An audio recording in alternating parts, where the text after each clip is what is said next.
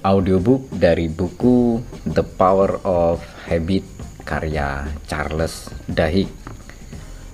Kita memasuki bab ketiga. Aturan emas perubahan kebiasaan.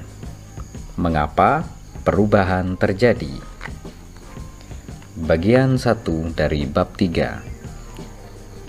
Jam pertandingan di ujung jauh lapangan menunjukkan bahwa ada 8 menit dan 19 detik tersisa ketika Tony Dangi, pelatih kepala baru tanpa Bay Buccaneers, salah satu tim terburuk di National Football League dan juga dalam sejarah sepak bola profesional mulai merasakan secercah kecil harapan.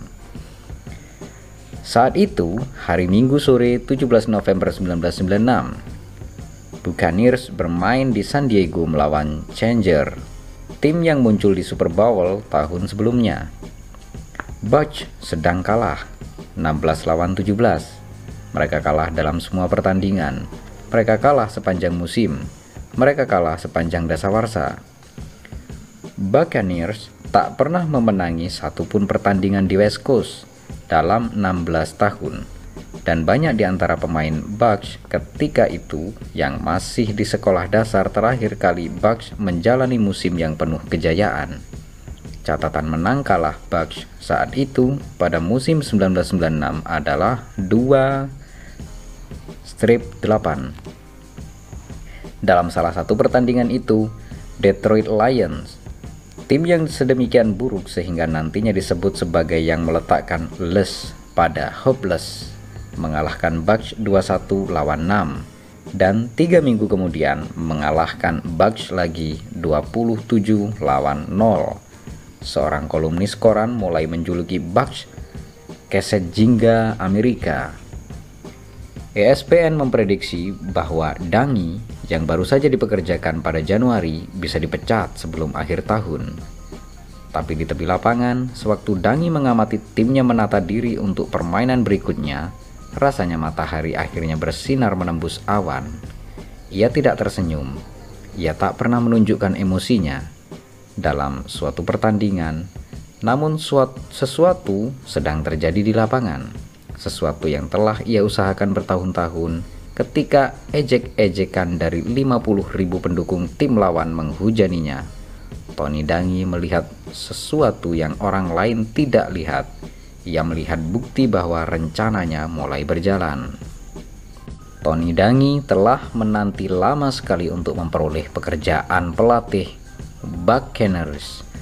Selama 17 tahun, ia berkeliaran di tepi lapangan sebagai asisten pelatih. Pertama-tama di University of Minnesota, kemudian bersama Pittsburgh Steelers, lalu Kansas City Chiefs, dan kemudian kembali ke Minnesota bersama Vikings. Empat kali dalam empat dasawarsa, ia telah diundang untuk mewawancara demi memperoleh posisi pelatih sejumlah tim NFL. Keempat wawancara itu tidak berjalan dengan baik. Bagian masalahnya adalah filosofi Dangi dalam melatih. Dalam wawancara-wawancara pekerjaannya, ia akan dengan sabar menjelaskan kepercayaannya bahwa kunci kemenangan adalah mengubah kebiasaan pemain ia berkata ingin pemain berhenti membuat terlalu banyak keputusan dalam pertandingan. Ia ingin mereka bereaksi secara otomatis sebagai suatu kebiasaan. Bila ia bisa menanamkan kebiasaan yang benar, timnya akan menang. Titik. Juara tidak melakukan hal-hal yang luar biasa, demikian Dangi menjelaskan. Mereka melakukan hal-hal biasa, hanya saja tanpa berpikir. Sedemikian cepat sehingga tim lawan tidak sempat bereaksi. Mereka mengikuti kebiasaan-kebiasaan yang mereka telah pelajari. Para pemilik klub pun bertanya, "Bagaimana caranya Anda menciptakan kebiasaan-kebiasaan baru itu?" "Oh, bukan. Dia bukan akan menciptakan kebiasaan-kebiasaan baru," Dangi menjawab. Para pemain telah menghabiskan hidup mereka membangun kebiasaan-kebiasaan yang menyebabkan mereka masuk NFL tidak ada atlet yang akan meninggalkan pola-pola itu semata karena seorang pelatih baru menyuruhnya. Jadi, bukannya menciptakan kebiasaan-kebiasaan baru, Dangi hendak mengubah kebiasaan-kebiasaan lama para pemain. Dan rahasia mengubah kebiasaan lama adalah menggunakan apa yang telah ada di dalam kepala pemain. Kebiasaan adalah lingkar bertahap tiga tanda, rutinitas, dan ganjaran. Namun, Dangi hanya ingin menggarap langkah di tengah, rutinitas.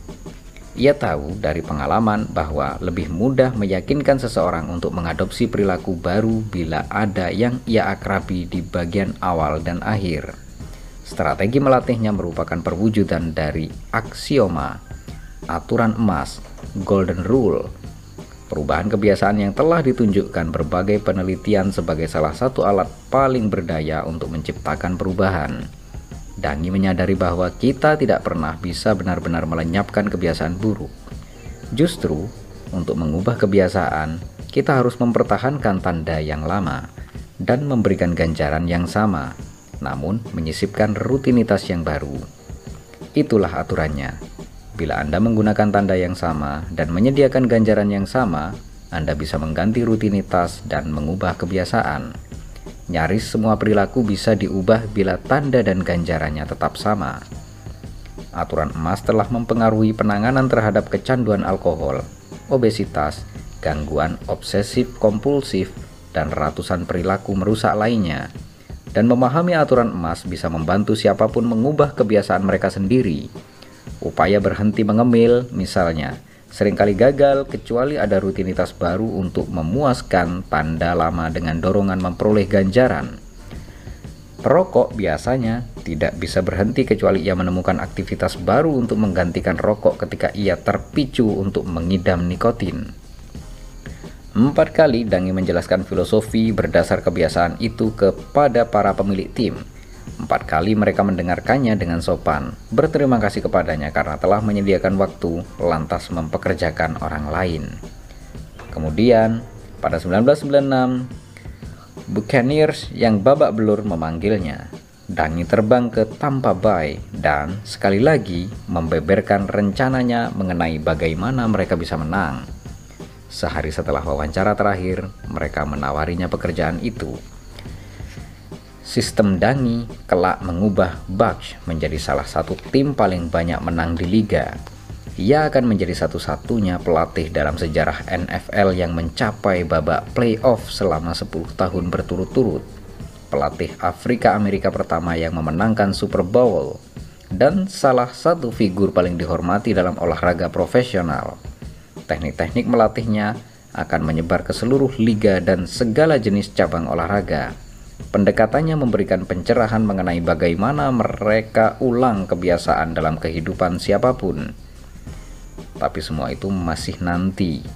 Hari itu di San Diego, Dangi hanya ingin menang. Dari tepi lapangan, Dangi mendongak memandang jam. Sisa 8.19. Bucks telah ketinggalan selama pertandingan dan membuang kesempatan demi kesempatan seperti biasa. Bila pertahanan mereka tidak membuat sesuatu yang berarti sekarang, pertandingan itu sama saja sudah selesai. San Diego memegang bola di garis 20 yard mereka dan quarterback Chargers Stan Humphries bersiap-siap memimpin serangan yang ia harap akan menyudahi permainan itu. Jam permainannya dijalankan dan Humphries mengambil ancang-ancang mengoper bola ke belakang. Namun Dangi tidak sedang memperhatikan Humphries. Ia justru memperhatikan pemain-pemainnya sendiri menyusun formasi yang telah mereka sempurnakan berbulan-bulan. Secara tradisional, football adalah permainan tipuan dan tipuan balik, trik dan penyesatan arah. Pelatih dengan buku strategi tertebal dan skema paling rumit biasanya menang. Tapi, Dangi mengambil pendekatan berlawanan. Ia tidak tertarik pada kerumitan atau kebingungan.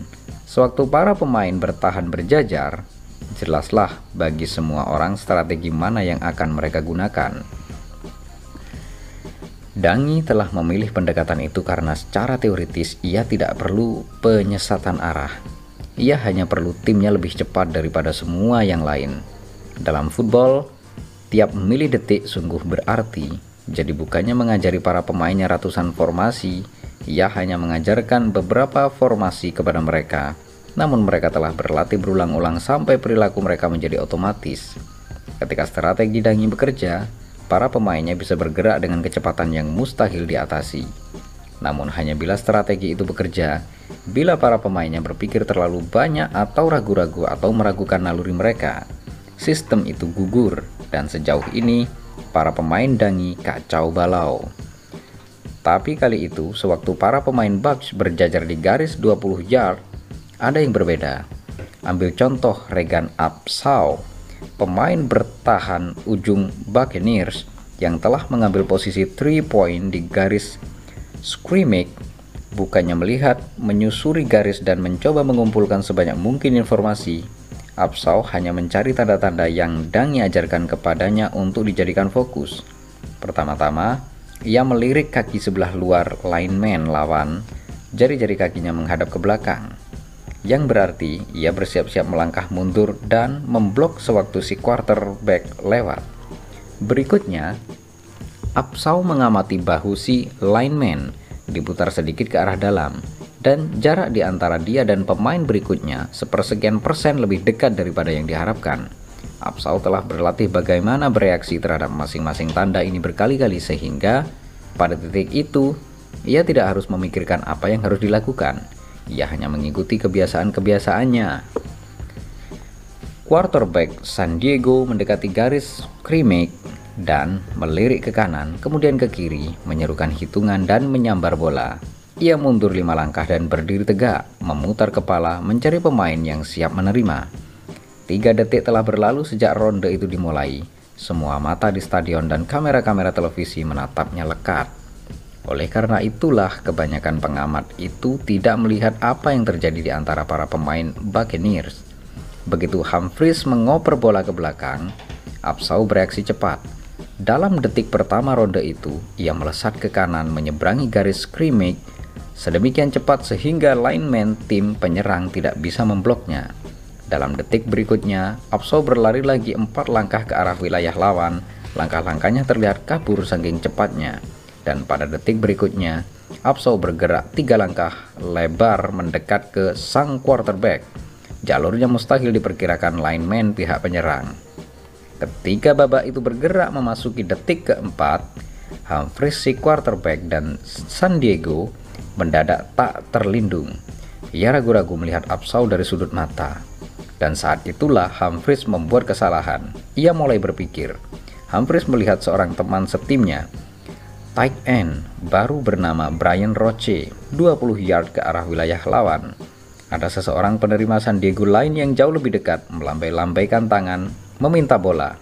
Operan pendek adalah pilihan yang aman, tapi Humphries di bawah tekanan justru melakukan analisis kilat, menekuk lengannya dan melempar ke Roche. Keputusan tergesa-gesa itulah yang memang diharap-harapkan Dangi. Begitu bola berada di udara, seorang safety Buccaneers bernama John Lynch mulai bergerak. Tugas Lynch sederhana. Bila babak itu dimulai, ia lari ke titik tertentu di lapangan dan menikmati tanda baginya ada tekanan besar untuk berimprovisasi dalam situasi seperti itu. Namun Dangi telah menggembleng Lynch sampai rutinitasnya menjadi otomatis. Dan sebagai akibatnya, ketika bola itu meninggalkan tangan si quarterback, Lynch berdiri 10 yard dari Roche menanti. Ketika bola itu memuntir di udara, Lynch membaca tanda-tanda baginya dan mulai bergerak sebelum jelas di mana bola itu akan mendarat. Roche menerima San Diego, melompat maju, namun Lynch memotong melewatinya dan menangkap operan itu. Sebelum Roche bisa bereaksi, Lynch melesat melintasi lapangan ke arah zona ujung Changers. Para Buccaneers lain berada pada posisi yang sempurna untuk memastikan jalannya terbuka. Lynch lari melintasi 10 yard, lalu 15, kemudian 20, lantas nyaris 25 yard, sebelum ia akhirnya melewati garis ujung. Keseluruhan ronde itu berlangsung kurang dari 10 detik. Dua menit kemudian, Bucks mencetak satu touchdown, memimpin untuk pertama kalinya sepanjang pertandingan itu. Lima menit kemudian mereka membuat satu field goal. Di antara kedua peristiwa itu, barisan pertahanan Dangi menggagalkan setiap usaha San Diego untuk merebut kembali permainan. Buccaneers menang 25 lawan 17, salah satu pembalikan kondisi paling hebat musim itu. Pada akhir permainan, Lunch dan Dangi meninggalkan lapangan bersama-sama. Tadi rasanya ada yang beda. Lynch berkata waktu mereka berjalan ke dalam lorong. Kita mulai percaya Dangi membalas.